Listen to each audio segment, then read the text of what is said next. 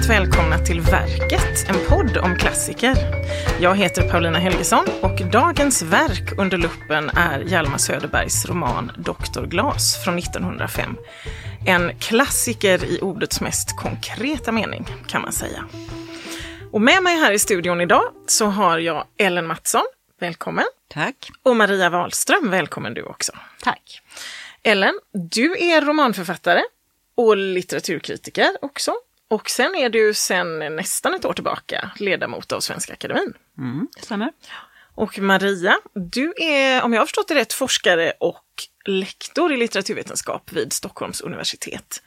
Och stämmer. har skrivit en avhandling som handlar om den svenska dagboksromanen och där i har du avhandlat dagens ämne, Doktor Glas. Ja. Nu så ska vi djupdyka ner i Hjalmar Söderbergs roman. Ellen, du får gärna börja med att berätta lite om romanen. Mm. Den handlar då om denne doktor Tycho Gabriel Glas. Eh, speglad i då den här dagboken som han skriver under några sommarmånader där han skriver om det hemligaste i sitt liv. Och eh, framförallt om två av sina patienter. Dels eh, den äldre prästen, pastor Gregorius, som har ett skraltigt hjärta. Dels pastorns unga vackra hustru Helga, som kommer till doktorn därför att hon inte längre står ut med det äktenskapliga samlivet med sin man, pastorn. Och hon ber doktorn uppfinna någon kvinnokrämpa som hon kan använda som ett svepskäl för att slippa ifrån de här äktenskapliga plikterna som man kallar det på den här tiden. Och eh, Dr. Glas han blir ju förtjust i Helga, han blir förälskad i henne och han berörs av hennes lidande, han beslutar att hjälpa henne. Han uppfinner en krämpa och han pratar med pastorn och när inte det hjälper så skickar han ut pastorn på landet på vilokur eh, för att han ska sköta sitt hjärta. Men ingenting av det här hjälper. Pastorn fortsätter att förgripa sig på sin hustru, mer eller mindre. Och då fattar doktor Glas beslutet att han för en gångs skull i sitt liv, i sitt ganska tomma, melankoliska, vankelmodiga liv, ska löpa linan ut och göra, utföra en stor definitiv handling. Han ska mörda pastorn. Eh, och på detta sätt att befria sin hemligt älskade Helga. Och han genomför detta, han mördar verkligen pastor Gregorius. Det leder ju inte till något gott för hans egen del och det är han ju medveten om. Han vet ju redan att skälet till att Helga inte står ut i sitt äktenskap det är att hon har förälskat sig i en annan man. En man som heter Claes Räcke och som är väldigt viktig i romanen även om han inte är mm, en aktiv person precis. Därför att Claes Räcke han förkroppsligar ett mansideal. Precis som Helga förkroppsligar Dr. Glas dröm om kvinnan så är Claes Räcke den man som Dr. Glas själv skulle ha velat vara. Han ser ut så som, som doktorn skulle velat se ut. Så det är naturligt att de här två ska ha varandra, Det är det naturliga urvalet, säger doktorn i sina anteckningar. Så han får inget pris. Det är ingen jungfru som står och väntar på denne moderne riddare. Eh, han får nöja sig med vetskapen om att han har gjort det rätta. Och det är ju en formulering som man kan diskutera, men det är så han ser på det. Och sen så fortsätter livet på samma sätt för Glas. Inget har egentligen förändrats genom den här stora handlingen, utan han lever vidare i sin, sitt tomma, lite melankoliska liv. Så slutet för honom själv blir detsamma, oavsett om han handlar eller låter bli att handla. Det är ju, eh, när man lyssnar på dig så inser man det är en roman om sex och mord. Det, Det- ja. låter som att det hade kunnat vara en modern deckare, men det är det ju inte, utan det här är, som Hjalmar Söderberg själv sa, en tankebok. Som han ville att det skulle vara i alla fall.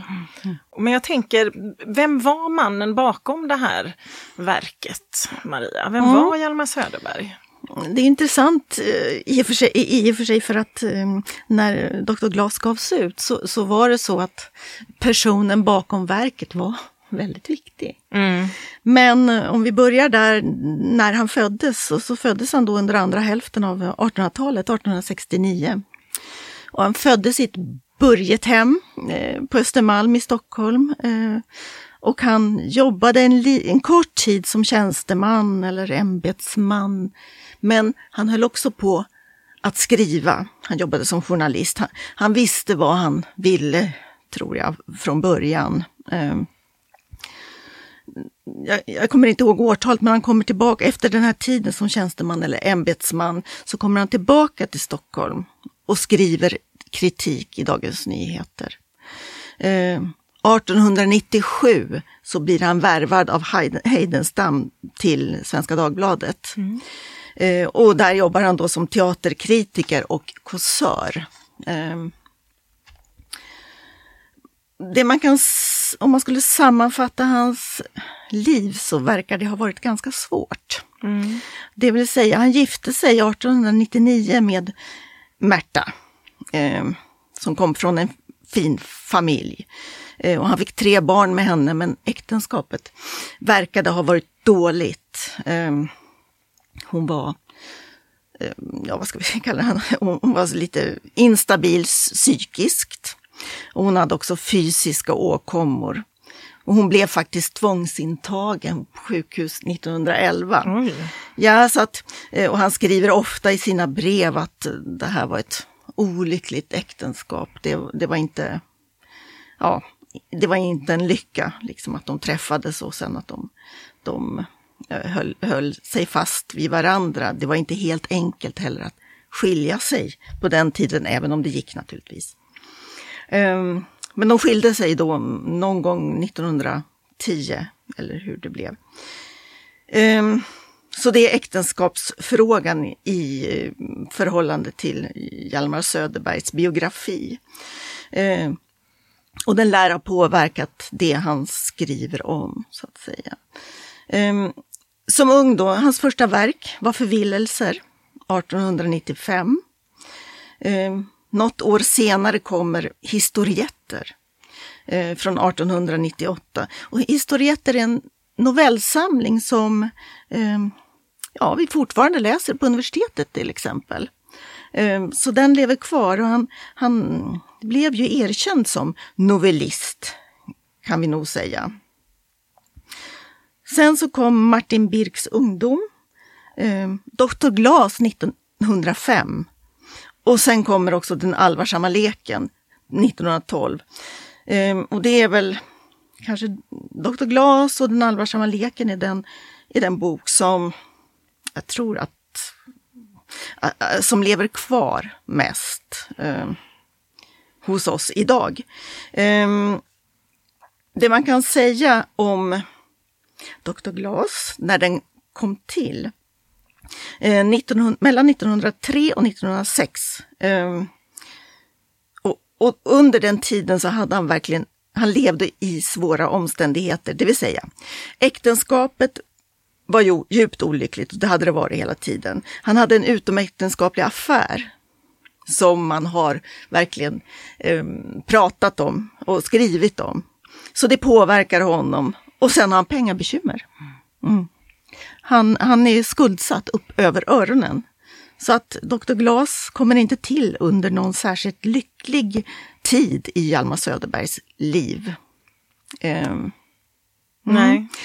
Och um, efter den här tiden, han skiljer sig, som, som, som, jag sa, jag tror att det var 1911 eller 10, um, 1917 så ger han upp livet i Stockholm och flyttar till Köpenhamn där han har träffat en ny kvinna och som han får ett barn med eh, och lämnar sin fru då på, eh, ja, på ett sjukhus helt enkelt. Det här med att det faktiskt begås ett mord i berått mord och mm. som Ellen sa, det, alltså Dr. Glas blir ju inte straffad för det här. Han får liksom fortsätta att leva vidare. Det blir mm. ingen så att säga moraliskt korrekt avslutning på romanen. Var det här någonting man kunde hantera 1905 undrar jag? Uh, nej, det kunde man inte. Om du talar om receptionen ja, nu så nej. Precis, nej, jag menar, alltså, hur, hur, tog man emot den här romanen? Hur man, såg man på den och det här som den avhandlar?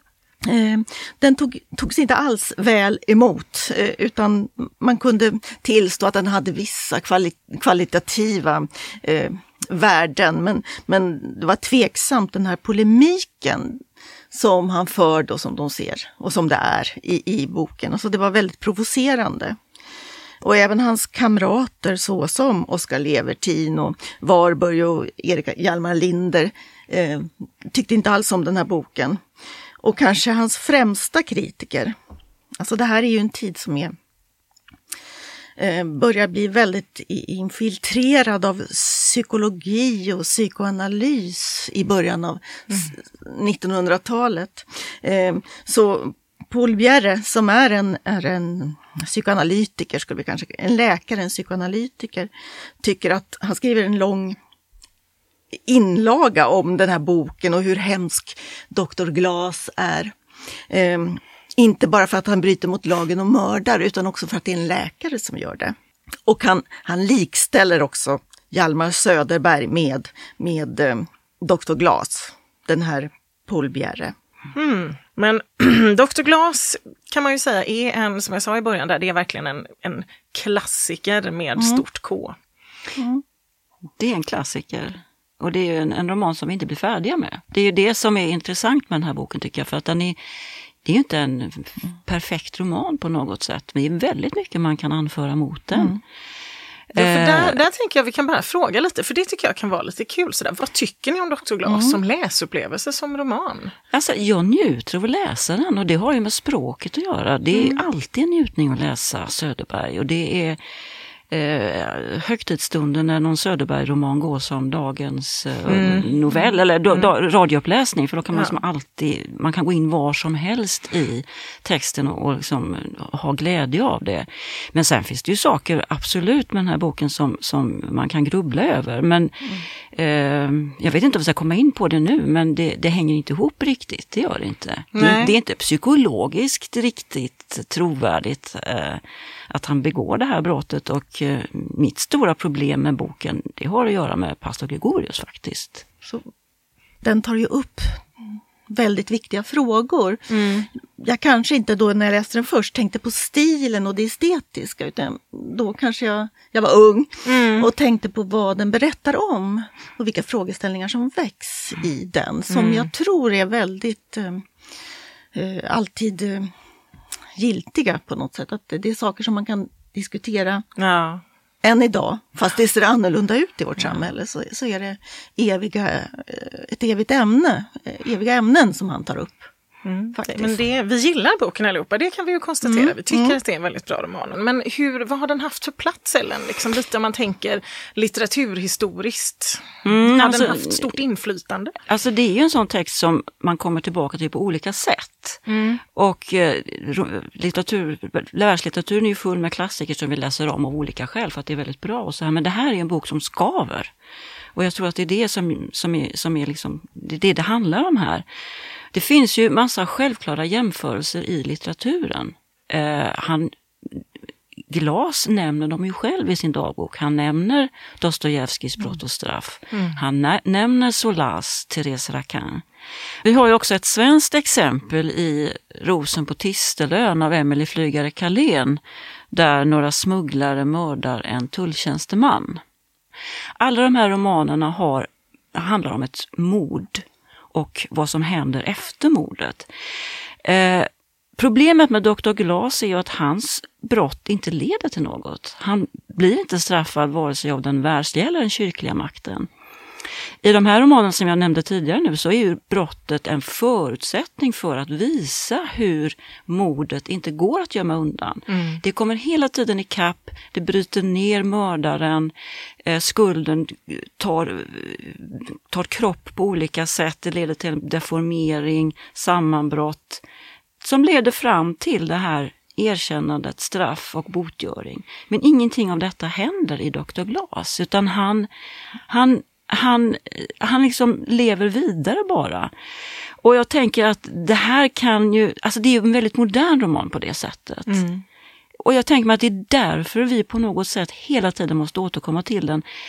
Glas är som en osalig ande som vandrar genom vår litteraturhistoria och vi måste på något sätt be, bistå honom i att bearbeta detta. Var det rätt? Kan man försvara det på något sätt? Kan vi förstå det? Och så vidare. Och så kommer vi tillbaka till det gång på gång. Vi läser romanen, den sätts upp, sätts upp på scen, den har filmats flera gånger. och sen, ja, vi har ju den här monologen då som Allan Edwall mm. och som Ja, sen. Christer Henriksson tog över och ja, det känns ju som att han har turnerat med den i decennier. Alltså den är ständigt aktuell på något vis.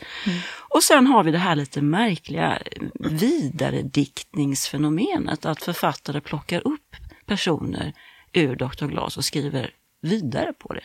Så det har alltså skrivits två romaner utifrån Helga Gregorius perspektiv. Ehm, av um, Bjarne Moelv och Helena Segander. Och Bengt Olsson har ju skrivit en roman om pastor Gregorius. Mm. Kerstin Ekman har skrivit en roman som heter Modets praktik, som inspirerar, där en läkare då inspireras av Dr. Glas. Så att det här är verkligen en roman som har ett eget liv. Och det finns, det finns en potential för det i romanen, uppenbarligen. Tycker det var jättefint den här bilden av glas som en osalig ande som vandrar genom decennierna i vår litteraturhistoria. För Ja. att han vägrar liksom få ro. Han vägrar få ro och dessutom vandrar han omkring i Stockholm. Varje gång jag är i Stockholm och vandrar i, i Gamla stan så är det överallt skyltar där man kan följa sån här Dr. Glas-vandring genom stan. Va? Så att han, han vandrar verkligen i alla bemärkelser av ordet.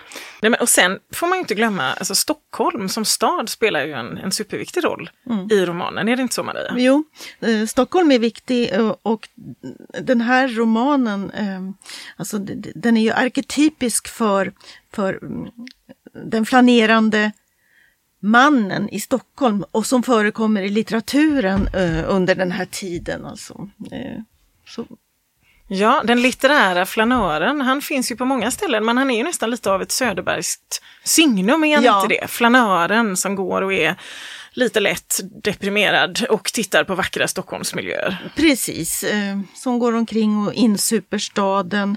Det, fin- eh, det finns ju som sagt, eh, han anger ju vissa saker som är viktiga, till, till exempel Tornbergs klocka utanför Dramaten. Eh, han sitter på Grands veranda Precis. och så vidare och mordet sker ju i, i, i Kungsträdgården. Så att eh, Stockholm är ju en viktig miljö. Eh, Och där ser man att litteratur, det handlar inte om att man ska skriva den perfekta boken utan det handlar om någonting annat, att det finns ett liv i den och det gör det ju uppenbarligen i den här. Det här med doktorn, jag tänker om vi liksom pratar lite om honom, för han är ju, alla personerna har ju sin egen komplexitet. Det är ju inte, som, det är ju inte jättemånga personer som egentligen pratar och agerar i romanen ska sägas, det är liksom en handfull. Men vem är Dr. Glas egentligen? Går det att liksom förstå vem han är, Maria? Ehm, nej, för att han är ju ehm, en, en dubbelbottnad figur. Ehm, dels, han, han kanske, jag vet inte om, om det är rätt att säga så, men han har ju en, ett, en, ett dagjag och ett nattjag kan man väl säga. Det vill säga när han sitter och skriver sina anteckningar så säger han det han inte vågar säga under dagen och då han arbetar och så vidare. Så att det, ja, det är en dubbelnatur. Ehm, jag tänker ibland på, på, ja, idag när man kan sitta på nätet och eh, skriva i hemligt namn. Ja. Ja, eh, och, och ja, anmärka på saker eller så. Och det är lite det han gör ju. Alltså han, han ger utlopp för sina sämre sidor kan vi väl tycka då, på natten. ja. Men det här med hans, hans förhållande till kvinnor, hans egen sexualitet, Ellen. Nej men alltså, det, han får inget, men jag skulle väl säga att han vill inte ha någonting. Han har ju verkligen placerat sig på en, en plats där han inte riskerar att bli involverad med andra människor. Han har eh, den här historien om sin ungdomskärlek. Han kysste en gång en ung flicka och några dagar senare så drunknade hon.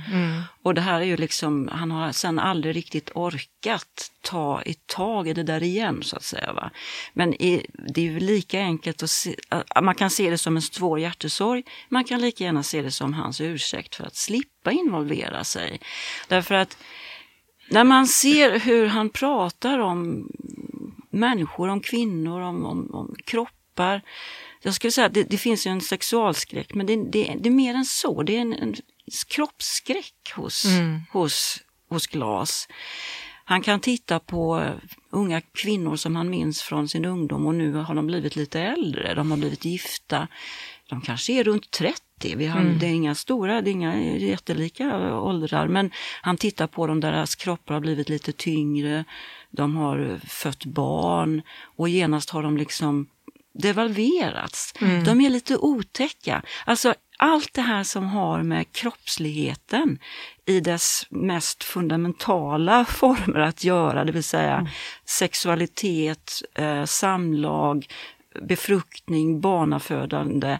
Allt är otäckt. Den här ur, mm. mänskliga urfloden av slem, blod, ja. sekret, det är modersmjölk. Det är vämjeligt egentligen för honom och han skulle egentligen se att kärleken, erotiken kunde liksom existera i något högt andligt plan där man egentligen inte behövde röra vid varandra.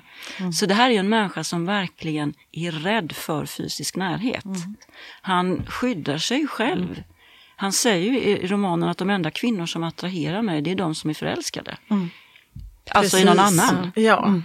Så att han har ju verkligen, han skyddar ju sin säkra plats mm. bortom allt mm. det här jobbiga, kladdiga, smutsiga som man liksom mm. måste ta mm. om man ska komma nära en annan människa. Precis, han, han är en total asket. Ja. På alla livets mm. områden, tror jag. Mm. Ja, och samtidigt så vantrivs, någonstans där i det här då sä säkra mm. fängelse han har byggt åt sig själv, så, så mm. vantrivs han. Och han sover inte och han mår dåligt och sådär. Och sen träffar han Helga Gregorius och Eftersom hon då älskar en annan så ser han i henne då bilden av den perfekta kvinnan. Men alltså, vem, vem är Helga Gregorius egentligen? Vad, vad, fyller hon för funktion i romanen, Maria? Mm. Hennes funktion är just att vara en funktion. Ja. där. Någon som han kan applicera sin kärlek, är kanske lite väl mycket sagt, men no, alltså sin åtrå eller sin... Mm, alltså han idealiserar henne på något sätt. Mm. Hon är ouppnåelig. Eh, hon är gift, men det visar sig också att hon har en älskare. Så hon är ju dubbeltagen på något mm. sätt. Han kan alls inte komma åt henne. Mm. Ja. Nej, men jag har också tänkt på det, han, han säger att han är ful som hinonde, ja. säger han om sig ja. själv. Ja. Och eh, just det här som jag sa tidigare, att mitt stora problem med romanen är Gregorius. Mm. Det är att jag tycker att vad har denna stackars pastor gjort för ont egentligen? Alltså redan på sidan sju så är han eh, vidrig. Eh, ja. Och då börjar jag är det, det, är det, handlar det bara om att han ser vidrig ut? Är det något så enkelt? Man säger att pastorn, alltså, pastorn är en hycklare sägs det och så vidare. Men mm. församlingen uppskattar pastor Gregorius. Mm. Han har församlingen med sig. Mm. Hans hustru Helga har en gång gift sig med honom för att hon beundrade honom, säger hon. Så att det är liksom svårt att få ihop detta, denna vidrighet som, som, som Glas upplever bara vid blotta åsynen av den här mannen. Och, och, man får en känsla av att det är liksom ett slags självhat också. Man kan ju faktiskt se det som att Glas mm. dödar sig själv när han dödar Gregorius. Jag grubblar lite på det här när man läser romanen. Och det är ju hemskt att säga, men jag kan inte påstå att jag tycker så synd egentligen om Gregorius. Även om han blir så att säga väldigt orättvist drabbad så framstår han ju liksom inte som någon Alltså han våldtar sin fru och han gör det liksom mer eller mindre våldtar sin fru och i mm. någon slags Guds namn. Men är det det Söderberg räknar med tror ni? Att man ska tycka att det inte gör så mycket att Gregorius försvinner. Vad tror du Maria?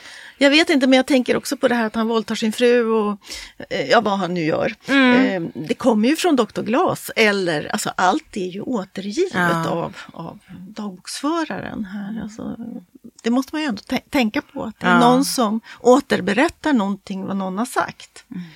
Eh, om man tänker sig in i det, men hur det faktiskt står så verkar det ju som att han gör det. Ja. Eh, visst. Är det så Maria, att det är mordet som egentligen är huvudpersonen? Det kan det väl vara och man kan ju också se det på ett symboliskt vis, det vill säga att det är läkarvetenskapen mot eh, religionen på något sätt. Någonting som var väldigt aktuellt då i slutet på 1800-talet när man bytte ut präster mot läkare till exempel. Eh, att det, det, mm. det, var, det, kan vara en idé. Um, och Hjalmar Söderberg själv var ju skeptisk till eh, religionen Även om han inte desto mindre i slutet av sitt liv började skriva om religionsfrågor helt enkelt. Mm. Han övergav ju um, det litterära skapandet så som vi kanske skulle se det då. Uh, efter 1912 tror jag ungefär. Att han, mm. han slutade med det och gav sig in på samhällsfrågor. Det var ju krig som stod för dörren och så vidare mm. också. Så. Han prövar ju lite antika eh, jämförelser mm. också i den här romanen. Att han mm. jämför den kristna moralen med, med, med antika exempel. Precis. Där man handlar på ett annat sätt. Ett, liksom, mm. ett, vad ska jag säga, ett renare, rakare sätt. Inte styrt av den här kristna moralen. Men det är ju himla spännande. Kan du utveckla lite om de här antika exemplen som han kommer med? Ja, alltså han kommer ju in på sådana här saker som dödshjälp till exempel och jämför med att man i, under antiken så kunde man ge en, en, en dödsdrog till någon. Mm.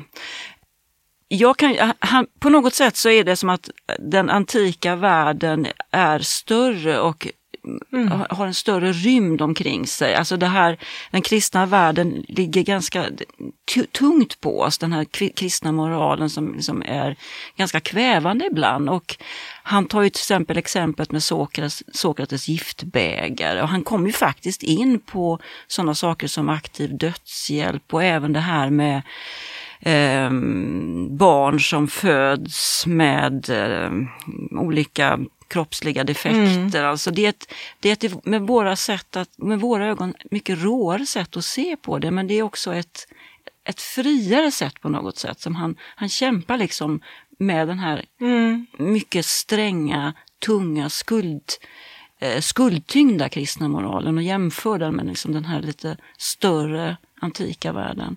Ja, han gör ju någon slags eh, jämförelse där och menar att eh, Sokrates giftebägare det är ett mycket mer civiliserat sätt att ta livet av någon än att man ska hugga ihjäl dem med en yxa. Det får man väl ändå hålla med om? Ja, ja jag, kan också, jag kan faktiskt också tycka det. mer sublimt. Ja, det är mer man sublimt. Slipper blodet. man slipper blodet. Mm.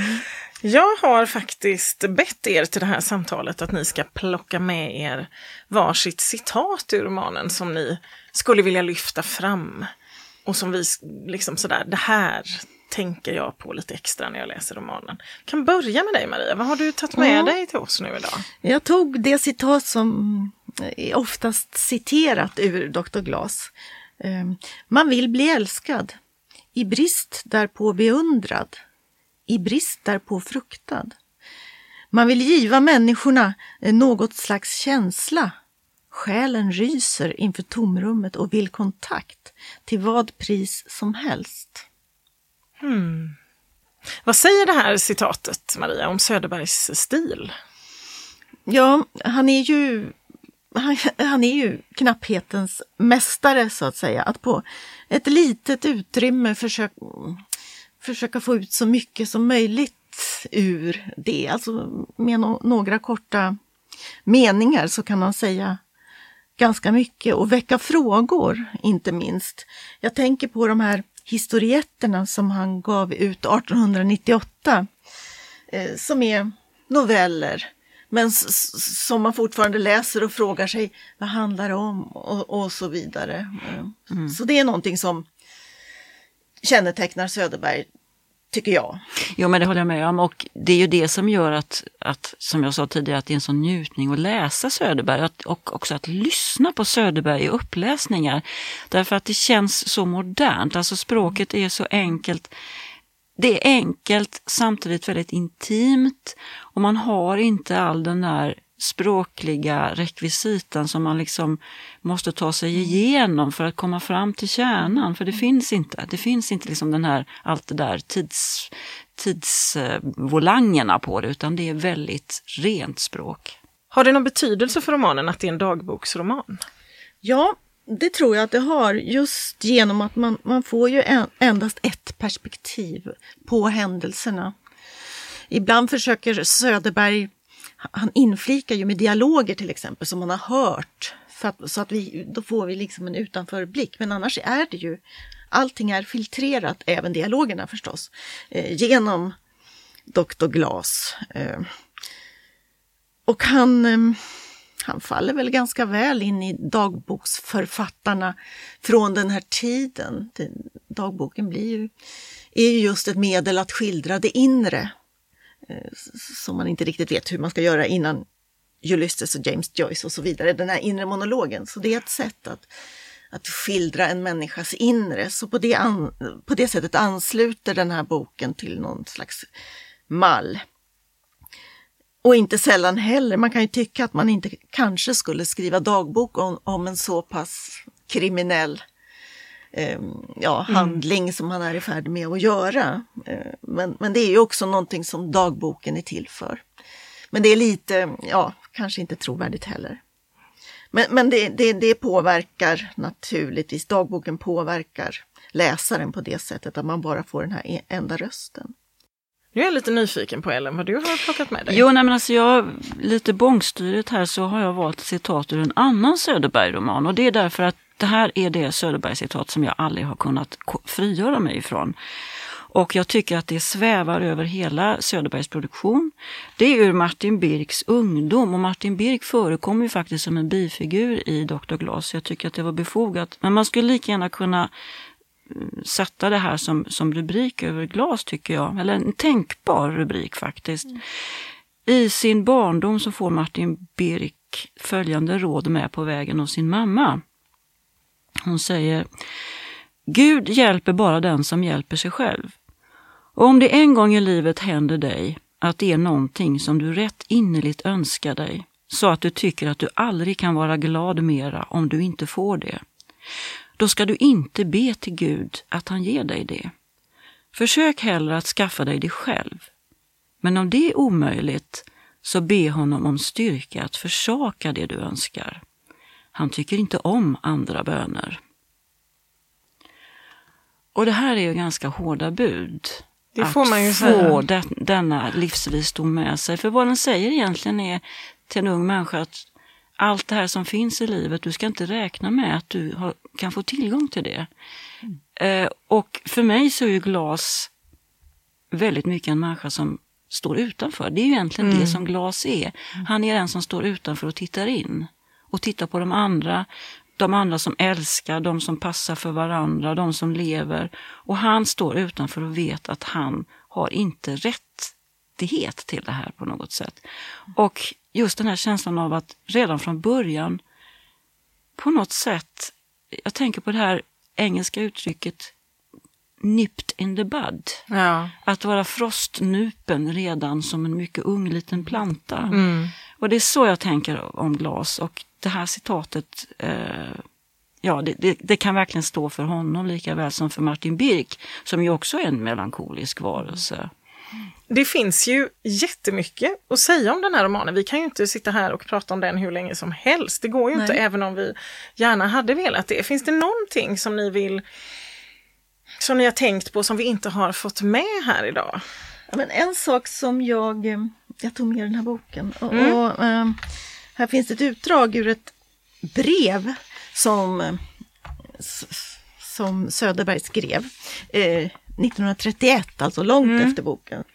Det är en bok av Lars O Lundgren som, som heter Liv, jag förstår dig inte, som är en studie av Hjalmar Söderbergs Dr. Glas. Mm. Eh, och, och där i, i den boken så finns det ett brev då som, som Hjalmar Söderberg har skrivit till en kamrat 1931 om vad, vad, hans mening var ungefär med boken eller hur han förhåller sig till Dr. Glas.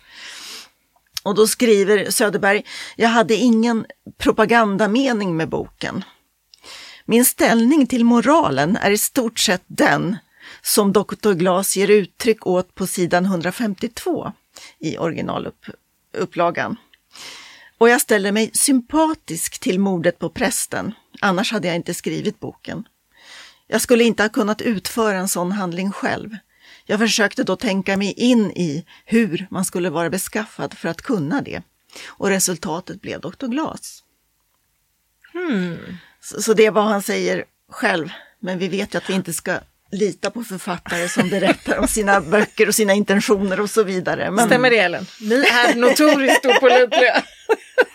Ja, eh, ja, man säger väl snarast motsatsen till det man egentligen mm. menar. Ja. Men, men, eh, men, det som står på sidan 100, 152 som man berättar om då handlar mm. om just att eh, man ska inte följa moralen allt för mycket. Mm. Mm. Utan man kan avvika från den på något sätt. Att det, ja, och, och, men att det här kanske är ett större steg så att säga att göra det. Men ändå att han tycker att moralen är ett hyckleri. Mm. Sätt. Ja, nej, vi kan nog lita på att han, att han intar den ställningen som han säger, eller den åsikten. Men han har säkert andra åsikter också parallellt. Det är det, va? Och eh, en sak som man också mm, kan fundera över är ju att han, han har ju tänkt ut det här mordet. Eh, glas. Men samtidigt när det väl, väl sker så är det av en slump. Ja.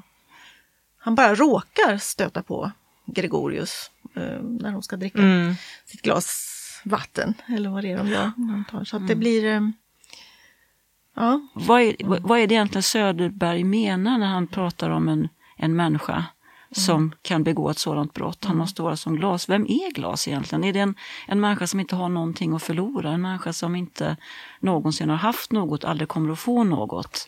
Och det är, ju, Kanske. det är ju jättespännande för där är vi det tycker verkligen, jag. Mm. förlåt, jag säger, där är vi verkligen tillbaka i vår första frågeställning. Vem är doktor, alltså sådär, när vi ska gå in, man går in i romanen, vem är doktor Glas egentligen? Och det är den vi, vi slutar med på något vis, eller knyter ihop med.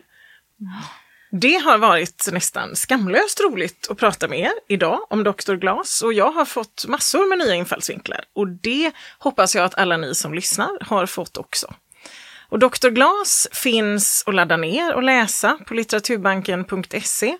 Och där hittar ni också, förutom Söderbergs hela författarskap, eh, också en rolig liten teckning som han gjorde över händelseschemat i Dr. Glas. En liten facsimil som man kan kika på om man blir nyfiken.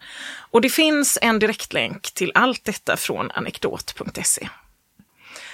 Ett stort tack till dig Maria för att du var med idag. Tack. Och ett stort tack till dig Ellen. Tack. Och jag tycker att vi låter Dr. Glas, denna omöjliga undanglidande karaktär, få sista ordet. Så vi slutar med romanens sista dagboksanteckning från den 7 oktober. Kan du tänka dig att läsa den Ellen? Det kan jag göra. Ska vi se här. Hösten härjar mina träd. Kastanjen utanför fönstret är redan naken och svart. Molnen fara i tunga skockar över taken och jag ser aldrig solen. Jag har skaffat mig nya gardiner i mitt arbetsrum. Helt vita. Då jag vaknade i morse trodde jag först att det hade snöat. Det var alldeles samma dager i rummet som när den första snön har kommit. Jag tyckte jag kände lukten av nyfallen snö. Och snart kommer den, snön. Man känner den i luften. Den ska vara välkommen. Låt den komma. Låt den falla.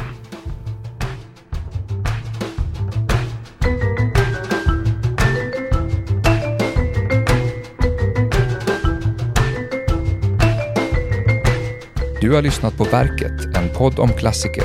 Producerad av bildningsmagasinet Anekdot i samarbete med Nationalmuseum och Litteraturbanken. Alla avsnitt samt fler poddar, filmer och essäer hittar du på anekdot.se.